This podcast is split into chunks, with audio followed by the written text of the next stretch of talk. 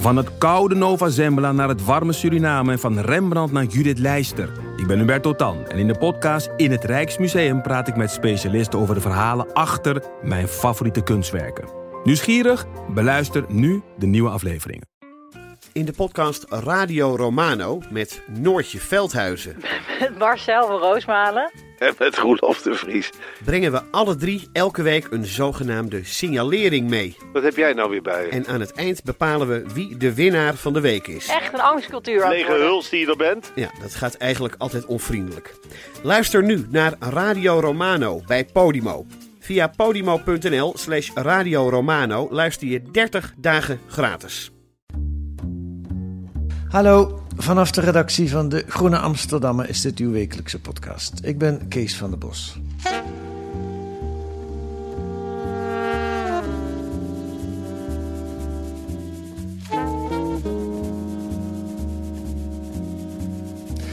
We gaan het vandaag hebben over de wonderenwereld achter uw thermostaat. De gasmarkt. Waarom betaal je in Nederland vijf keer zoveel voor het gas dan in Frankrijk? En twee keer zoveel dan in Duitsland? Terwijl wij notabene grote gasleveranciers zijn, of in elk geval zijn geweest met het gas in Groningen. Vragen, vragen, vragen. Maar gelukkig zit Koen Hagens hier klaar om die allemaal te beantwoorden. Dag Koen, welkom in de podcast. Hallo. Je schrijft er deze week een lang artikel over in De Groene. Eh, ik vind het een moeilijk onderwerp, eh, dus ik ben blij dat ik jouw vragen mag stellen hierover. Vind jij het ook een moeilijk onderwerp? Ik vond het een ontzettend moeilijk onderwerp. Ja. Ik ben wel wat gewend, dacht ik. Want ik, eh, ik, ik schrijf over economie sinds de kredietcrisis. Of eigenlijk sinds een jaartje voor de kredietcrisis. Dus dat is al. Dus ik heb me vaker gestort in de werelden van, van derivaten en, en eh, collateralized debt obligations en swaps en hè, eh, dat soort zaken. ja. Die kwamen ook allemaal weer voorbij op de gasmarkt. Blijken die ook te bestaan. Maar eh, dit was ook nog wel weer eh, ja, heel complex. Ja, want jij bent economieredacteur, of tenminste, jou- jouw specialisme is economie, hè? Ehm, maar gas is niet meteen je specialisme. Dat is nieuw voor je deze wereld. Nee, daar heb ik nooit zoveel over geschreven, inderdaad. Ja, maar dat, ja, het is wel fascinerend. Ik heb het eerder wel eens gedaan over, over paprika's en over graan en zo. Dat, het zijn werelden waarvan je denkt dat ze niks te maken hebben met financiële markten. Ja. En als je daar eenmaal in duikt, dan blijkt het eigenlijk behoorlijk eh, daarop te lijken. Ja, nou, dat, dat kun je in dit geval ook wel zeggen. Ehm, maar dan, dan, dan begin ik met de vraag, hoe pak je zoiets dan aan? Je neemt je, dat voor, ik ga, de, ga over die... Wat was de aanleiding eigenlijk? Eh, Er doken hier op, eh, op onze redactievergadering heel veel vragen op over die, die gasmarkt. Van eh, hoe zit het nou? Wordt er misschien toch gespeculeerd op die gasmarkt? Dat we daarom zo verschrikkelijk veel geld betalen voor onze energierekening op dit moment? Eh, eh, hoe zit dat precies? Hè? Er schijnt dan zo'n gasmarkt in Nederland te zijn, was de vraag. Hoe kan dat dan? Eh, heeft het toch met de marktwerking te maken? Of is het gewoon enkel en alleen Poetin? Hoe kan het dat Nederland volgens sommige bronnen meer betaald wordt dan andere Europese landen? Nou, heel, heel veel vragen. Ja. Dan weet je meestal dat het wel goed is om daar eens over te gaan schrijven.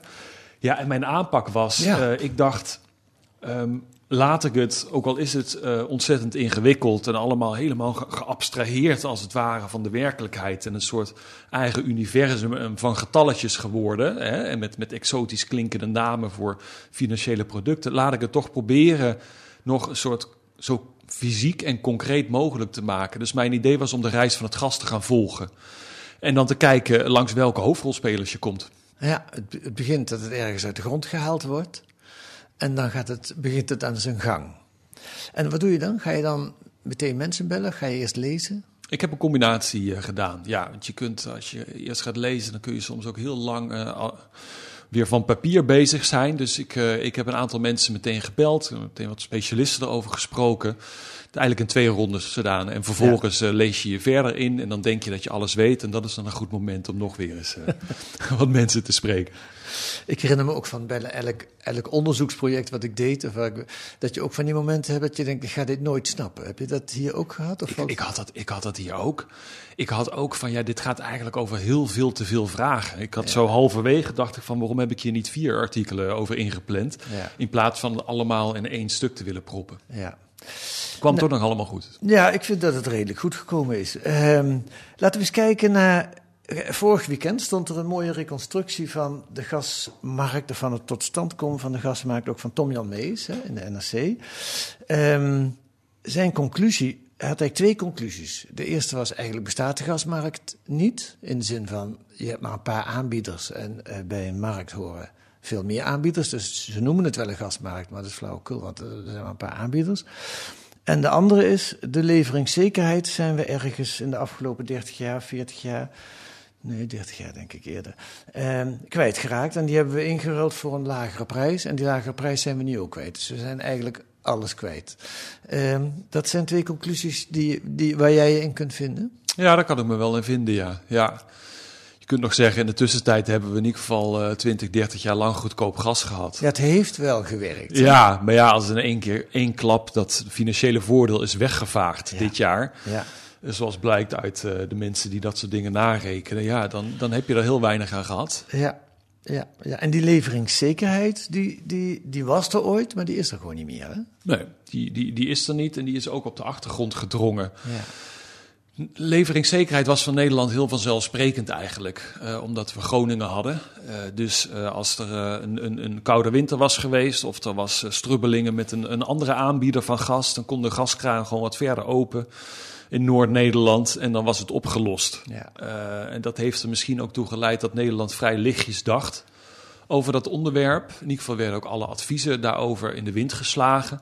Ja. Want dat pas, paste niet bij het idee van een, een markt bouwen. Ja. Uh, ik noem het letterlijk bouwen, want uh, markten ontstaan natuurlijk nooit vrij. Ik bedoel, je hebt wel een paar vrije markten, maar dat is Ja. een complete chaos. Denk aan de harddrugshandel. Uh, dat, dat, dat is een beetje hoe het gaat als je markt hebt zonder overheidsbemoeienis. Um, maar dus uh, ja, er is hier een markt gebouwd. En dan was het idee van als we nu heel erg hard marktje gaan spelen. Uh, dan heb je vanzelf, ja, dan gaan we eigenlijk vanzelf geloven in het idee van inderdaad een echte bruisende markt met heel veel vragers, heel veel aanbieders. Uh, goedkope prijzen daardoor. En uh, het is een beetje naïef gebleken, want als je dan door je, je, je oog, uh, door je wimpers daar naartoe tuurt hè, en er beter naar kijkt, dan zie je inderdaad van hé, hey, we, hebben, we noemden het een markt en het was uh, een soort hele drukke balie met allemaal vragers inderdaad die zich daar omheen verdringen. Maar achter die balie staan eigenlijk maar drie landen. Ja, maar hoe? Nee, dat dus vier eigenlijk, landen. Vier landen. Ja, laten we ze noemen. Rusland. Rusland. 40% van de ja. Europese import, dus echt met, met, met afstand het grootste. Ja. Noorwegen. Noorwegen, de enige die uh, wat, uh, wat democratischer en betrouwbaarder en stabieler zijn. Uh, Qatar, sinds minder lange tijd. Maar daar lopen geen pijpleidingen vandaan. Er lopen, daar moeten schepen vandaan komen. Gaat ook het volgende hoofdstuk ongetwijfeld worden. Hoe we in godsnaam erbij gekomen zijn om ons zo afhankelijk te maken van gas uit Qatar. Ja. Wat dan via de opbrengst weer hier naar radicale moskeeën kan gaan. Ja. Je, je, kunt in zekere ja. zin alweer het over tien jaar het debat ja. voorzien. En wat nu ook het, het debat over de wereldkampioenschappen voetbal vervult. Hè? De regering en Willem-Alexander moeten er wel naartoe, want we zijn eigenlijk afhankelijk. Ja, je kunt niet met te veel gasaanbieders in één keer ruzie maken. Nee, nee. En dan hebben we nog Amerika. Ja. Waar we eerst ook problemen mee hadden, hè? want dat is schalie, olie, schaliegas. Uh, nou ja, dat moet nu ook maar even vergeten worden. Ja, ja, ja. Maar toch doen we niet alleen net alsof er een markt is. Er bestaat, uh, wat mij betreft, is dat het grootste raadsel uit jouw artikel. Er bestaat een beurs, een gasbeurs, de TTF. Dan heb ik de afkorting hier niet uitgeschreven, maar ik weet wel dat die totaal niet zeggend was. Wat was, wat was het? Is het ook weer? De Title Transfer Facility. Ja, de, dat zegt ook niks. En weer vergeten. Ja, um, maar hier schiet mijn verbeeldingsvermogen echt tekort. Je hebt dus eigenlijk geen markt, je hebt maar een paar aanbieders en toch uh, en die zit ook nog in Nederland, hè, die, die, die TTF, die, die beurs. Doen ze daar maar net alsof? Wat gebeurt daar dan? Ik uh, wilde heel graag voor dit artikel naar die beurs toe. Hè, want, die bestaat, je kunt uh, ergens kijken. Nou, dat, dat was dus mijn idee. Van ik had al wel gehoord van ja, het is grotendeels virtueels. Mijn ervaring, uit ervaring weet ik ook dat vrijwel alle beurzen op de wereld tegenwoordig uh, virtueel plaatsvinden. Hè. De, de, de, meeste dingen waar je naar zou gaan kijken, dan zie je misschien een datacentrum vol met, ja. met servers en, uh, en heel veel koelers. Die mannetjes met die jasjes aan die rondrennen. Ja, dat is het, dat is vroeger, het beeld van beurzen, maar ja. dat bestaat nauwelijks meer ergens. Er ja. is nog wat folklore, folklore in Chicago. Uh, maar goed, die, die gasbeurs, dat had ik al wel gehoord dat die grotendeels digitaal was. maar ja, nee, je kunt inderdaad nergens naartoe. Er is geen handels Uh, La- laat ik het zo zeggen. Er is een, een, een fysiek stukje, dat is het netwerk onder Nederland. Dat is eh, 13, 14.000 kilometer lang, onder de grond. Gasleidingen. Gasleidingen en een aantal gasbergingen. Ja. Eigendom van GasUnie, Ja. wat weer grotendeels eigendom is van de Nederlandse staat. Ja. Dat, dat is fysiek. Ja. Daar kunnen we ons wat bij voorstellen. Hè? Gas komt binnen van een Ja. paar van die aanbieders. Via een pijp uit Noorwegen, eh, eh, uit Rusland. En nu de laatste tijd heel veel met grote tankers uit Amerika. Ja. Zo'n Eh, pijpje loopt naar mijn huis en als ik de verwarming aanzet, dan komt het gas daar komt dat eraan? Ja. Simpel, Ja. dacht ik. Ja. maar dan zit daar die, die gasbeurs overheen, als het ware, als een virtuele werkelijkheid. Ja. En daar gebeurt van alles met dat fysieke gas, wat eh, ja, vo- volkomen virtueel lijkt. Om een idee te geven, eh, er is eh, tien keer zoveel, nee, sorry, er is honderd keer gaat dat gas wisselt van eigenaar tussen de, de, de bron, het, het, opgepompt worden, dat het op die beurs komt en dat het jou en mijn huis instroomt. Ja. Maar in die wereld, om, om dat een soort van de vinger achter te krijgen, dat, eh, dat vond ik inderdaad ook erg mysterieus. Ja, oké, dat daar gaan we verder zo nog op in, want dat vind ik fascinerend. Maar toch nog even terug naar de basis. Eh, kijk, als ik van jou een product koop, dan kan, je, dan kan ik jou betalen en jij kunt mij dat product geven. Eh, en als, als er maar drie aanbieders zijn, dan kan ik net doen alsof de markt is, maar dat is flauwekul. Maar in dit geval is het nog moeilijker, want het product kun je niet zomaar aan iemand geven. Je moet het in een buis pompen, dus je moet overleggen. Met, met andere woorden, hoe kun je daar nou een markt van maken? Nou, in die zin heeft Nederland dat heel slim gedaan. Nederland wilde aan het begin van deze eeuw, je had enerzijds eh, eh, de vorming van een gasmarkt, dat was een Europees project vanaf Ja. de jaren negentig. Ja.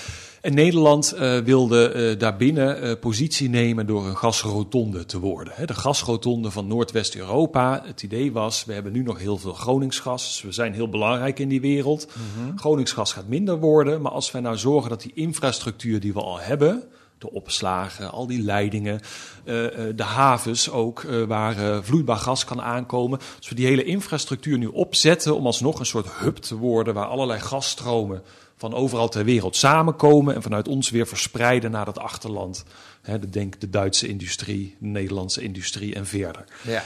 Dat was het idee. Nou, en een onderdeel van die gasrotonde, als je het binnen die, die, dat denken van dat moment kijkt, ook het succesvolste onderdeel, is die, eh, eh, die gasbeurs. En dat zorgde, kwam er eigenlijk gewoon op neer dat eh, GasUnie ervoor zorgde dat gas wat in haar leidingen kwam en in haar gasbergingen, dat dat verhandeld kon worden. Klinkt heel erg simpel, maar Ja. daar moeten we een paar stappen voor nemen. Namelijk, gas heeft altijd een verschillende eigenschappen, verschillende kwaliteiten. Hè, de ene ku- kuub gas is niet de andere kuub. Dus je moet een soort van dat virtueel maken en doen alsof die wel vergelijkbaar zijn met elkaar, waardoor je één gasprijs zou kunnen krijgen. Ja, dat hebben ze volgens mij opgelost door een eenheid te bedenken waarin je dat uit kunt drukken. Precies. Die voor al die soorten gas geldt. Ja, ja, ja. En, en wat Nederland dus in feite gedaan heeft eh, via GasUnie, is te zorgen dat dat gas verhandelbaar wordt. En eh, eh, die gasbeurs is in feite hetzelfde als, eh, ja, het zijn contracten. Er wordt ergens eh, in een administratie in Groningen bij GasUnie bijgehouden van wie het gas, hè, hoeveel gas op welk moment is dat door onze leidingen stroomt in Nederland. En doordat je dat dan vervolgens kunt verhandelen met elkaar en dan registreren zij van, oh, het is hè, van, van, van Koen naar Kees eh, gegaan als eigenaar, dan houden zij dat bij. Ja.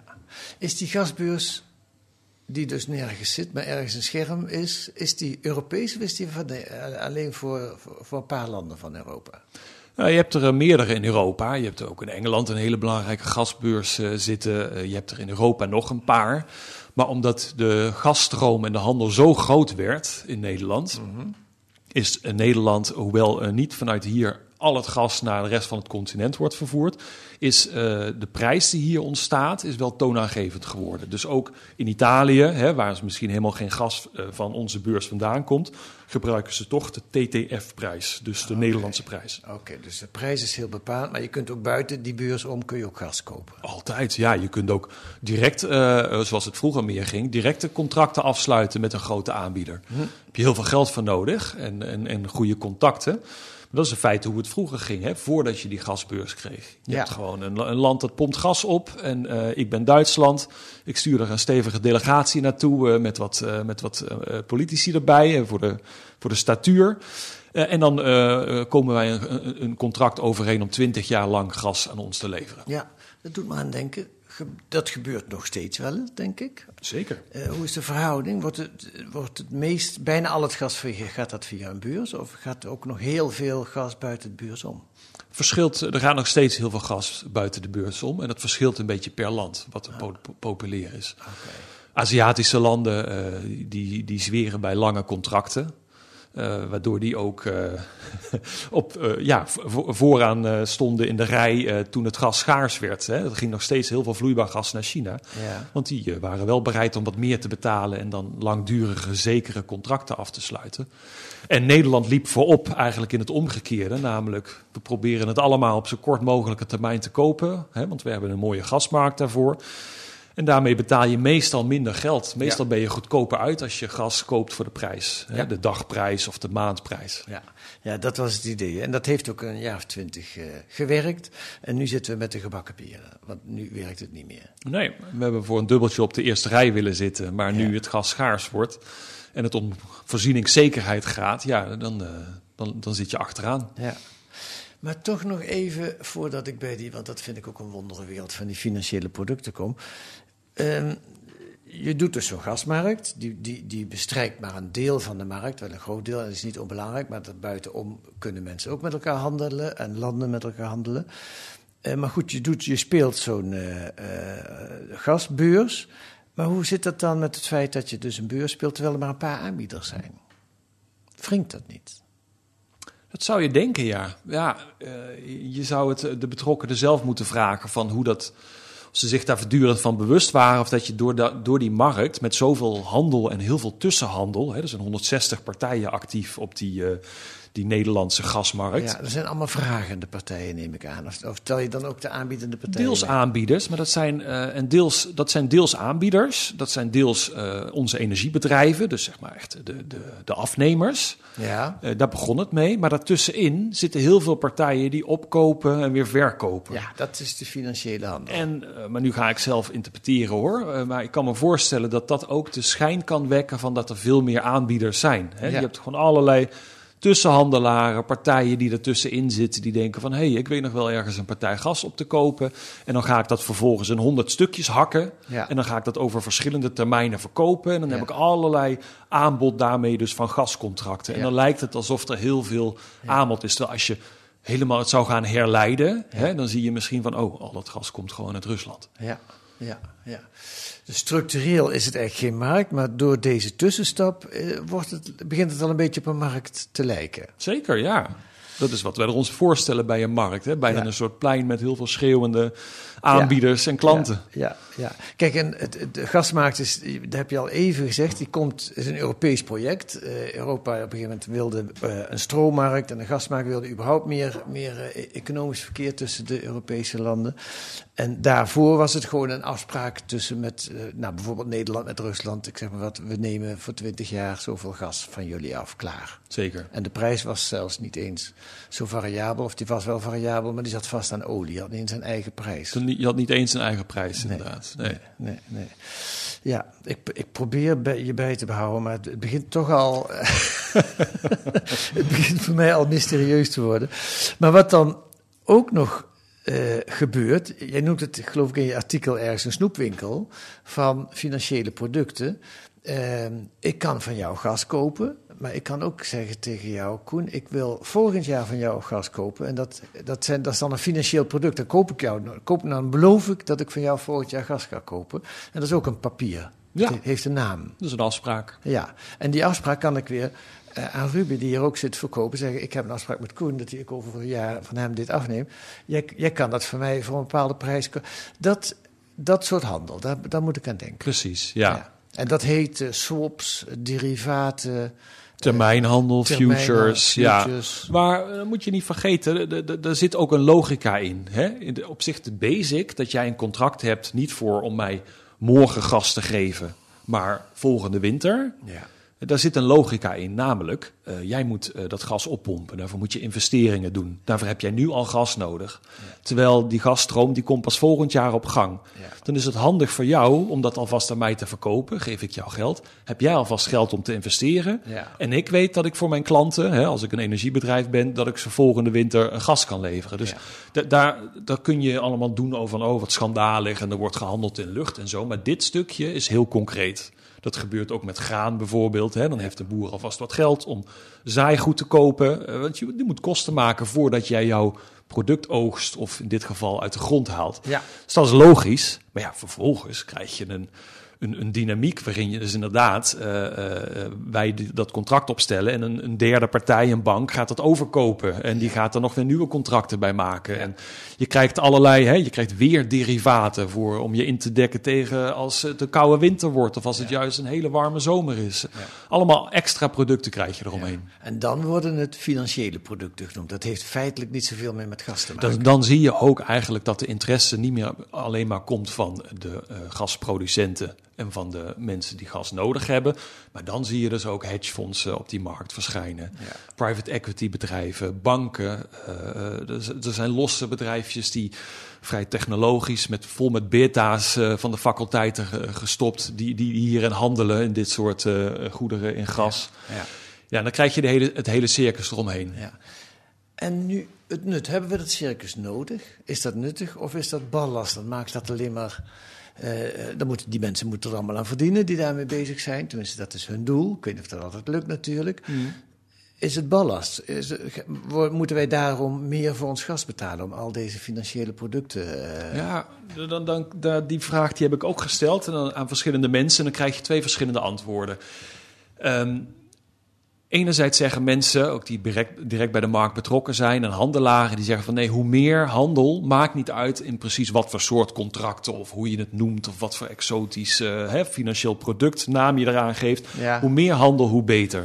Want het zorgt ervoor dat er altijd vraag zal zijn naar gas en dat zorgt ervoor, dan heb je als het ware een soort smeerolie. Want uh, in hun ogen uh, is eigenlijk de, de meest dramatische situatie zou zijn is als jij als gasproducent op die markt aankomt en er is niemand.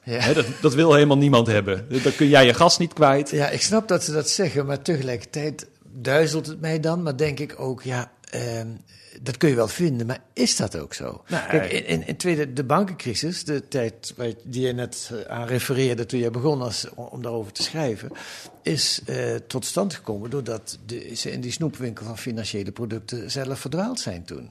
Zeker, zeker. En dat is het andere antwoord. Eh, er wordt vanuit Zuid-Europa gezegd van hey, hè, op die, die Hollandse gasbeurs, daar wordt gespeculeerd. En dat drijft onze gasprijs op. En degene die daarvan de pineut is, is uiteindelijk de ondernemer en het huishouden. Die meer dan nodig is uh, betalen voor een gas. Ja. Uh, je, je, boerenverstand zegt inderdaad ook van ja, als niet iedereen, uh, al die tussenliggende partijen, die honderd tussenliggende partijen, of totaal honderd partijen die handelen, die moeten er allemaal iets aan verdienen. Als ze er structureel bij in zouden schieten, dan zouden ze al lang uh, een ander beroep zijn gaan zoeken. Toen waren ze nu al zonnepanelen aan het leggen of iets. Ja. Of op Schiphol aan het werken. Nee, dus de, de, je boerenverstand zegt van hé, hey, dat kan eigenlijk niet waar zijn. Dat, dit, dit kan niet alleen maar een, een goede positieve situatie zijn. En is dat gezond boerenverstand? Of, uh, of ik bedoel, klopt dat ook, denk je? Of weet je het ook niet zeker? Ik weet het niet zeker. Mijn, uh, mijn boerenverstand zegt hetzelfde, ja. ja. ja, ja. Er is een verschil tussen gewoon een, een, een, een markt hebben met, met meerdere vragers, meerdere aanbieders. Dat je je spul kunt verkopen en het circus wat, waar hier sprake van is. Met zoveel extra financiële partijen erbij die allemaal een slaatje uit proberen te slaan. Ja, ik ga nog één vraag erover stellen en dan ga ik dan een paar concrete vragen stellen, want we kunnen hier uren over praten. Um, Vorige week stond Peter de Graaf, had een column in de Volkskrant. En die schreef dat er in die week op maandag. Kijk, je hebt dus op lange Peter termijn. Peter de Waard. Oh, Peter de Waard, sorry. Je hebt op lange termijn eh, contracten en korte termijn contracten. En dan was op een gegeven moment zat een handelaar met een, de spotmarkt, heet het dan, de, de hele korte termijn. Dan moet je morgen moet jij mijn gas afnemen, want ik moet er vanaf. Uh, die zat zo mee omhoog dat als je van hem gas kocht, dan kreeg je er 16 euro per kuub bij. ja, mooi hè? ja, dat is gekkigheid. Ja, het, het, het, het, mooie daarvan is, het illustreert zeg maar die, die, die bizarre markt waar we het nu de hele tijd al over hebben en waar, het, waar het artikel ook eh, over gaat. Um, en het was ook precies wat er gebeurde tijdens het schrijven. Ik ben begonnen op het moment dat de gasprijs op zijn record stond. Uh, boven de 300 euro, uh, meen. Of die ging de 300 euro aantikken. Dat was ook het moment dat ik een brief kreeg van mijn energiemaatschappij dat mijn uh, maandelijks voorschot uh, verdubbeld werd van 200 naar 400 euro. En dat was uh, de tweede verdubbeling in drie maanden tijd. Want daarvoor was hij al van 100 naar 200 euro ik gegaan. Ik aan dat jij een variabel contract ik, Helaas is termijn begin dit jaar mijn vaste contract afgelopen. Ja. ja. Nee, dus toen, toen zat hij echt op zijn hoogtepunt. Nou, en, en nu vervolgens is het stuk uh, uh, afgerond. Ja. en nu zitten we helemaal de andere kant uit. Ja. Want ja, de opslagen zitten vol. Uh, er liggen allerlei LNG-tankers, hè, de, de, grote schepen met vloeibaar gas, liggen voor Rotterdam en voor de Eemshaven klaar om gelost te worden. Maar er is op dit moment geen plek om het gas in op te slaan. Dat komt ook omdat het heel warm weer is buiten. Dus er wordt nauwelijks wat gas verbruikt. Waardoor je dus inderdaad een negatieve prijs krijgt. Omdat ja, geen handelaar op dit moment heeft uh, zin in extra gas te krijgen. Want je, je kunt het nergens opslaan. Ja. Was ook maar een uurtje hè, dat de gasprijs negatief was. Maar ja, het toont wel aan, en daarna werd het weer uh, iets, iets, iets hoger. Het toont wel aan hoe, uh, hoe krankzinnig dat kan gaan. Ja, ja, ja. Ja, ik ben bang dat ik het nooit helemaal uh, ga snappen. Ik ga een paar concrete vragen aanstellen. Kijk, waarom betalen we, want het, het schijnt zo te zijn, hè, waarom betalen wij in Nederland vijf keer zoveel voor ons gas als in Frankrijk? Dat heeft uh, twee uh, voornaamste redenen. Uh, de eerste is dat de Franse overheid veel minder moeite heeft om de burgers te beschermen. Om daar tussen, tussenin te gaan staan, zeg maar. Tussen die markt en die burgers. Die doen dat makkelijker, bedoel je? Die doen dat makkelijker. Kijk, wij, wij hebben natuurlijk na heel lang soebatten en heel lang ook zeggen... we willen het niet vanuit het ja. kabinet... hebben ja. we uiteindelijk een prijsplafond gekregen. Dat gaat komend jaar in op 1 januari. In Frankrijk hebben ze het begin dit jaar al gedaan. Ging ook heel, veel makkelijker, want in, ons land klaagde minister Jette dat hij over dat prijsplafond met 60 verschillende energieleveranciers moest onderhandelen. Frankrijk uh, heeft uh, gewoon één groot staatsbedrijf. Dat hadden ze volgens mij voor 94% in handen als, als uh, staat. En daar hebben ze nu 100% van gemaakt. Dus dat gaat wat makkelijker. En Nederland is, is daar toch altijd huiverig voor. Hè? Want wij volgen heel graag netjes de regeltjes als het om, uh, om marktwerking gaat in de Europese Unie. En een, uh, een andere reden is dat uh, Nederland ook voorop liep. op een twijfelachtige manier, maar met de kortdurende variabele contracten. Ja. Dus andere landen zijn burgers veel meer beschermd tegen die grillen van die marktprijzen, omdat mensen jarenlange contracten hebben. In Nederland zijn relatief veel mensen met een variabel contract. En je had ook heel veel mensen met één jaar contracten, maar ja, die zijn inmiddels ook wel afgelopen. -hmm. Maar begrijp je goed, in Frankrijk zijn ze wat minder uh, streng in de leer als het om markteconomie gaat. Precies, ja. Het moet wel van Europa, maar ze doen het wat rustiger aan. Ja, wat eigenlijk de algemene houding in Europa altijd is geweest met ja. alle marktwerkingoperaties. En Nederland loopt voorop, lijkt het. En Nederland uh, is er zelf altijd heel erg van overtuigd geweest dat het goed is en geweldig. En uh, heeft dus alles naar de letter uitgevoerd. Ja.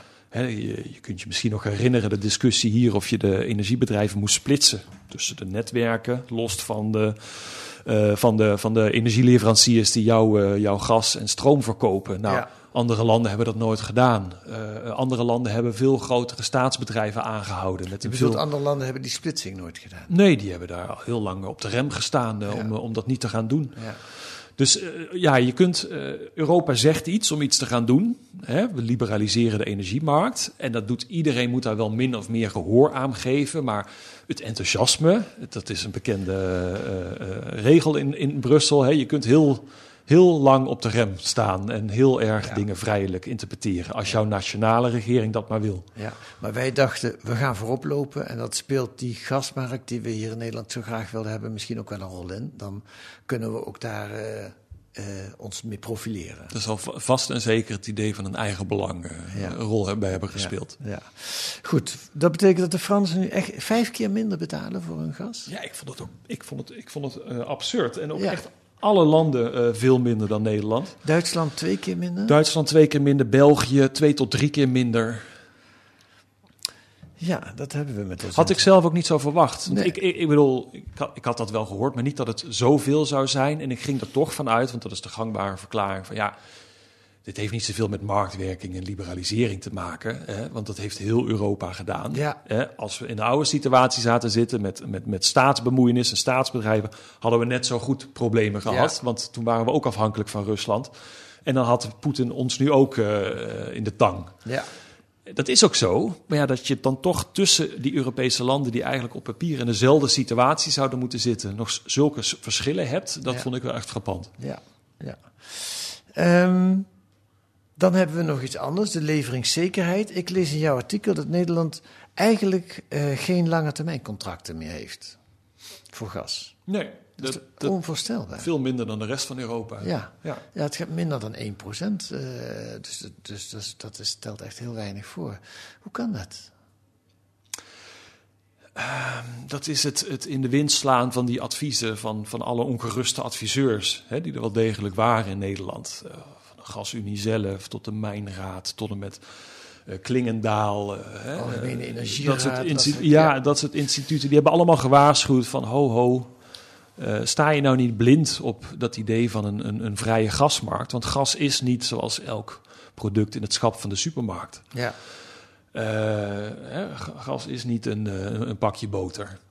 En de Nederlandse regering heeft dat toch op eenvolgende kabinetten toch grotendeels genegeerd. Ja. Want ze wilden daar niet bij gaan ingrijpen. Kijk, als je, als je die lange termijn contracten wil afsluiten en jouw bedrijfsleven, jouw private bedrijven doen dat niet, dan moet je daar als overheid mee gaan bemoeien.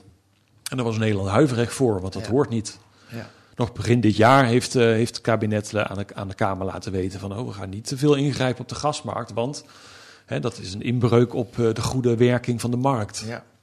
Het gekke is, nu het puntje bij paaltje komt, gaan ze geweldig ingrijpen op de, op de gasmarkt. hè. Er komt een prijsplafond. Nou ja, veel dieper kun je in de markt niet ingrijpen bijna, zou ik maar zeggen. Dus ze, ze zeggen, tot hier moet u betalen, de rest gaan wij betalen als Mm. overheid. Ja, Ehm, hoe verhoudt dat zich weer tot elkaar? Tot, die, tot aan de ene kant die liberalisering en aan de andere kant dat, dat, dat eh, garanderen van een prijsplafond. Ja, je zou kunnen zeggen dat Nederland dan zich zo lang eh, heeft, heeft schrap gezet en, en heeft tegengestribbeld. eh, en dan nu vervolgens alsnog een, een, een, een draai van 180 graden moet maken. Ehm, maar ik vind het zelf wel opvallend als je kijkt naar de aard van die maatregelen. Dat Nederland eigenlijk de, de eh, privatisering van de, van, de, van de energiemarkt, de liberalisering eigenlijk in stand laat. Ja. Het, lijkt, het doet mij een beetje denken opnieuw aan die bankencrisis van 2008. En dat was op het eerste gezicht ook van, oh, dat is ongekend zwaar overheidsingrijpen. Er werd gezegd van, nu neemt de staat het weer over. Het Keynesianisme komt terug, eh, de, de geleide, eh, gemengde economie. Maar als je ziet wat Nederland dan eigenlijk doet, is vooral eh, heel, heel, heel veel subsidie uittrekken. Tientallen miljarden gaat het nu wel om in Nederland om de bestaande ordening te stutten. Ja. We trekken eh, op dit moment geschat 24 miljard uit voor een energieplafond. Waarbij het geld naar de energiebedrijven gaat, naar de private energiebedrijven. We trekken eh, miljarden uit om het MKB te steunen met deze energieprijs. En eh, we hadden eerder al een korting op de energierekening. en zo zijn er nog wat meer van die maatregelen. Ehm, er wordt niet echt iets inge- ingegrepen in die marktordening. Er wordt niet gezegd van nou in rul hiervoor, voor al die steun, eh, gaan wij onze energieleveranciers weer nationaliseren. Nee. Dat is ondenkbaar. Er is een enkele partij in de Tweede Kamer die het heeft voorgesteld, maar daar is, is men toch tegen. Ja. Dus dat, eh, ja, als ik dan een paar jaar later eh, eh, verder ga nadenken, hè, stel dat, dat deze crisis, deze directe crisis dan voorbij is, dan weet ik niet of er heel veel veranderd zal zijn als straks de rook optrekt. En zijn wij met die aanpak uniek? Doen Duitsland, Frankrijk, andere landen het net zo?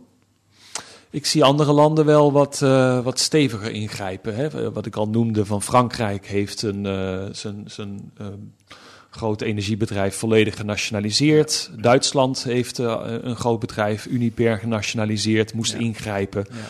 Ja. Ehm, sowieso hoor je toch uit die Zuid-Europese landen toch ook wel wat meer druk om, om echt harder in te grijpen op de markt en echte prijslimieten te stellen in plaats van het allemaal met subsidie te doen. Ja, ja, ja, ja, ja. We blijven eigenlijk nog steeds het enthousiaste jongetje van de klas. Die, die, die voor die, die liberalisering van die gasmarkt. die alles doet om dat in stand te houden. We klagen er nu even heel hard over. Maar ik zie, ik zie nog geen maatregelen, onomkeerbare maatregelen. Dat, dat- waarvan ik denk van, oh, dat is eh, over, over een jaar, twee jaar is dit allemaal echt voorbij. En zie je wel mogelijkheden? Wat zou de Nederlandse overheid kunnen doen? Nou, volgens mij begint het meer bij een, eh, bij een principieel uitgangspunt. Dat je dus moet zeggen van gas is een ander soort product dan, noem het maar op, hè, waar, waar, eh, eh, waar je heel veel concurrentie bij, bij Ja. toestaat. Brood bijvoorbeeld. Bij Ook- brood ook- Ook een basisproduct. Ja, boot is ook een basisproduct. Eh, maar daar heb je eh, heel veel aanbieders. Absoluut. Hè, net als heel veel klanten. Ja. Eh, Dus dat werkt beter. Ja, gas, het is keer op keer. Het is niet voor niets dat het vroeger een, een, een staatsbedrijf was. Het was Ja. niet een soort overijverig, eh, hè, omdat we hier in een, in een soort Sovjetland eh, zaten. En dat Nederland daarom eh, zoveel mogelijk wilde nationaliseren. Mhm. Integendeel, het was gewoon een, een nutsfunctie, eh, energie. En daarom moest het genationaliseerd worden. Ook omdat mensen wisten van ja. Je gaat nooit eh, zeggen in tijden van krapte van nou ja, helaas pech gehad. Hè? Eh, schakel dan maar je energie uit en schakel de verwarming uit. En dan, eh, dan gaat de prijs vanzelf weer dalen. Dat zie je nu, daar zijn we niet toe bereid. Dus je hebt een situatie dat eigenlijk iedereen weet dat de overheid hoe dan ook gaat ingrijpen als het misgaat. Ja. Eh, en, eh, en als het goed gaat, gaan de winsten naar private bedrijven. Nou ja, dat, is, dat is geen gezonde situatie. Ja, het is in, in alle opzichten een nepmarkt eigenlijk. Want ook dit bij een echte markt hoort dat je kunt verliezen en failliet kunt gaan. Ja, je kunt wel afvragen, wat, wat is dan nog een nepmarkt en wat is een echte markt? Want de, de markt waarna dit is vormgegeven is, is de markt uit de, de tekst, de lesboekjes-economie. Hè? Eh, het, het limonadekraampje met aanbieders van limonade, kopers van limonade. In werkelijkheid zijn alle markten natuurlijk door en door politiek. En overal spelen staten een enorme rol. En ook alle markten, zelfs zoiets als, als computerchips, kunnen in één keer onderdeel worden van, een- van een geopolitiek steekspel. Zoals nu met gas ook is gebeurd. Ik kom nu helemaal op jouw terrein, hè, want daar heb je ook een boek over geschreven. Het is mijn lievelingsonderwerp. Toch gaan we erover ophouden, eh, Koen, want eh, we zitten alweer behoorlijk over de tijd. Ehm, even concreet, een, een, in de zin van, eh, je hebt aangegeven wat eh, Nederland zou kunnen doen, dus iets meer richting weer die nutsfunctie misschien. Probeer, kun je dat aangeven in een paar concrete stappen die volgend jaar genomen zouden kunnen worden, als, als de politiek dat zou willen? Ja. Nou, eh, eh, interessant genoeg kun je twee kanten op gaan. En er zitten even voor alle beide politieke windrichtingen zit, zit daar iets moois tussen. Dus dat maakt het heel herhaalbaar wat ik hier ga zeggen. Kijk, enerzijds eh, moet je je staatscontrole hier gewoon op vergroten. Het is, een, het is blijkbaar een, een, een ma- maatschappelijke functie, dus daar moet je er ook zeggenschap over hebben. Dus dat betekent, ja, misschien moet je toch maar af van al die mogelijke eh, verschillende ele- energieleveranciers. Wil je daar een dikkere vinger in de pap hebben? En moet je nu eindelijk eens gaan luisteren naar al die adviseurs die hebben gezegd: hè, je kunt de gasproductie eh, en gasimport niet overlaten aan de private sector. Daar moet je je als overheid mee gaan bemoeien. Ja, dus ga langlopende contracten afsluiten met de grote aanbieders. En, en maak je daarbij niet opnieuw afhankelijk van één hele grote aanbieder. Maar spreid het dan in elk geval over die drie, vier, vijf aanbieders Ja. die er zijn. Ja. Dat is één. Doen ze dat niet al, nu dan? Is, Dat zou achter de schermen moeten zijn. Je hoort er bij andere Europese landen eh, hoor je er meer over. Oké. Eh, maar goed, ja, naar Qatar met het WK voetbal is, is hier ongetwijfeld een onderdeel van, van deze, Ja. deze missie vanuit Ja. de Nederlandse overheid. Ja. De andere, eh, dat zou rechts, eh, rechtse partijen en liberale partijen aantrekkelijker moeten vinden in de Kamer, is als je natuurlijk eh, veel meer gaat isoleren, veel minder afhankelijk wordt van gas. En in zekere zin gas vervangt door stroom, elektrificatie dus. Kom je op een ander soort markt terecht. Want de stroommarkt is eh, dankzij de groene revolutie, dankzij eh, windmolens en zonnepanelen, Ja. is in een korte tijd een markt geworden met heel, heel, heel veel verschillende aanbieders. Dat is wel een echte markt. Met heel veel producenten. Ja. En dat was het niet. Nee. Want je had een enorme eh, miljarden kostende centrale nodig.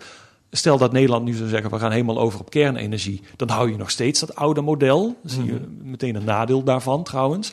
Maar ehm, ja, met, met duurzame energie eh, kan eh, stroom, en eh, stroom kan deels gas vervangen, kan, kan wel veel meer zo'n markt worden. Nou, Ja. misschien dat de VVD daar wat minder moeite mee heeft, zou je zeggen, op papier. Want dan hoef je wat minder staatsdirigisme te hebben op zijn Frans. Ja. Goed, uh, Koen, we gaan het in de gaten houden. Um, ben ik nog iets heel belangrijks vergeten te vragen? Of, uh... Moet je niet eens vragen over je energierekening volgend jaar of zo? ik heb nog een vast contract. We gaan hier nog uh, in ieder geval een, een paar jaar ja. zoet mee zijn met deze hoge gasprijs. Dus het stuk kan ook nog volgende week gelezen worden. En daar komen vast ook nog meer stukken van je hand over dit onderwerp. Um, dankjewel, Koen Hagens, voor dit gesprek.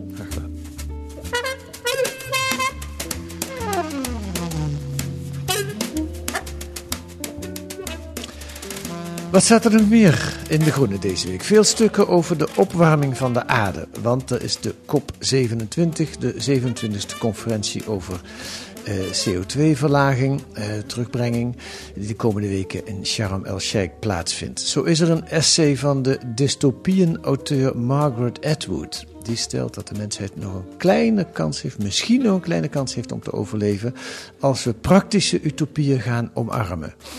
Oké. En een interview met de Britse journalist, columnist en schrijver George Monbiot. Die een vurig. Ik ken hem niet. Ken jij die uh, naam? Ja, is, uh, zeker. Oh, die een vurig pleidooi houdt voor het afschaffen van de veeteelt. Vet en proteïne kunnen binnen afzienbare tijd namelijk worden verkregen uit het kweken van bacterieculturen. Dat kunt u lezen met een abonnement of een proefabonnement. Ga dan naar groene.nl. Daar staat het uitgelegd hoe u 10 weken de groene krijgt voor 15 euro. Groene.nl. Wilt u reageren op wat u gehoord heeft in deze podcast, dan kan dat via de mail. Ons adres is podcast.groene.nl. U mag ons ook sterren geven in uw podcast-app. Laat ik daar weer eens voor oproepen, want dat levert ons weer meer luisteraars op. Of een korte recensie zelfs. In uw podcast-app. Volgende week zijn we er dan weer met analyses en achtergronden bij het nieuws in deze podcast van de Groene Amsterdammer, die deze week werd gemaakt door Ruben Stift en Kees van der Bos. En de muziek is A Tune for N van Paul van Kemenade.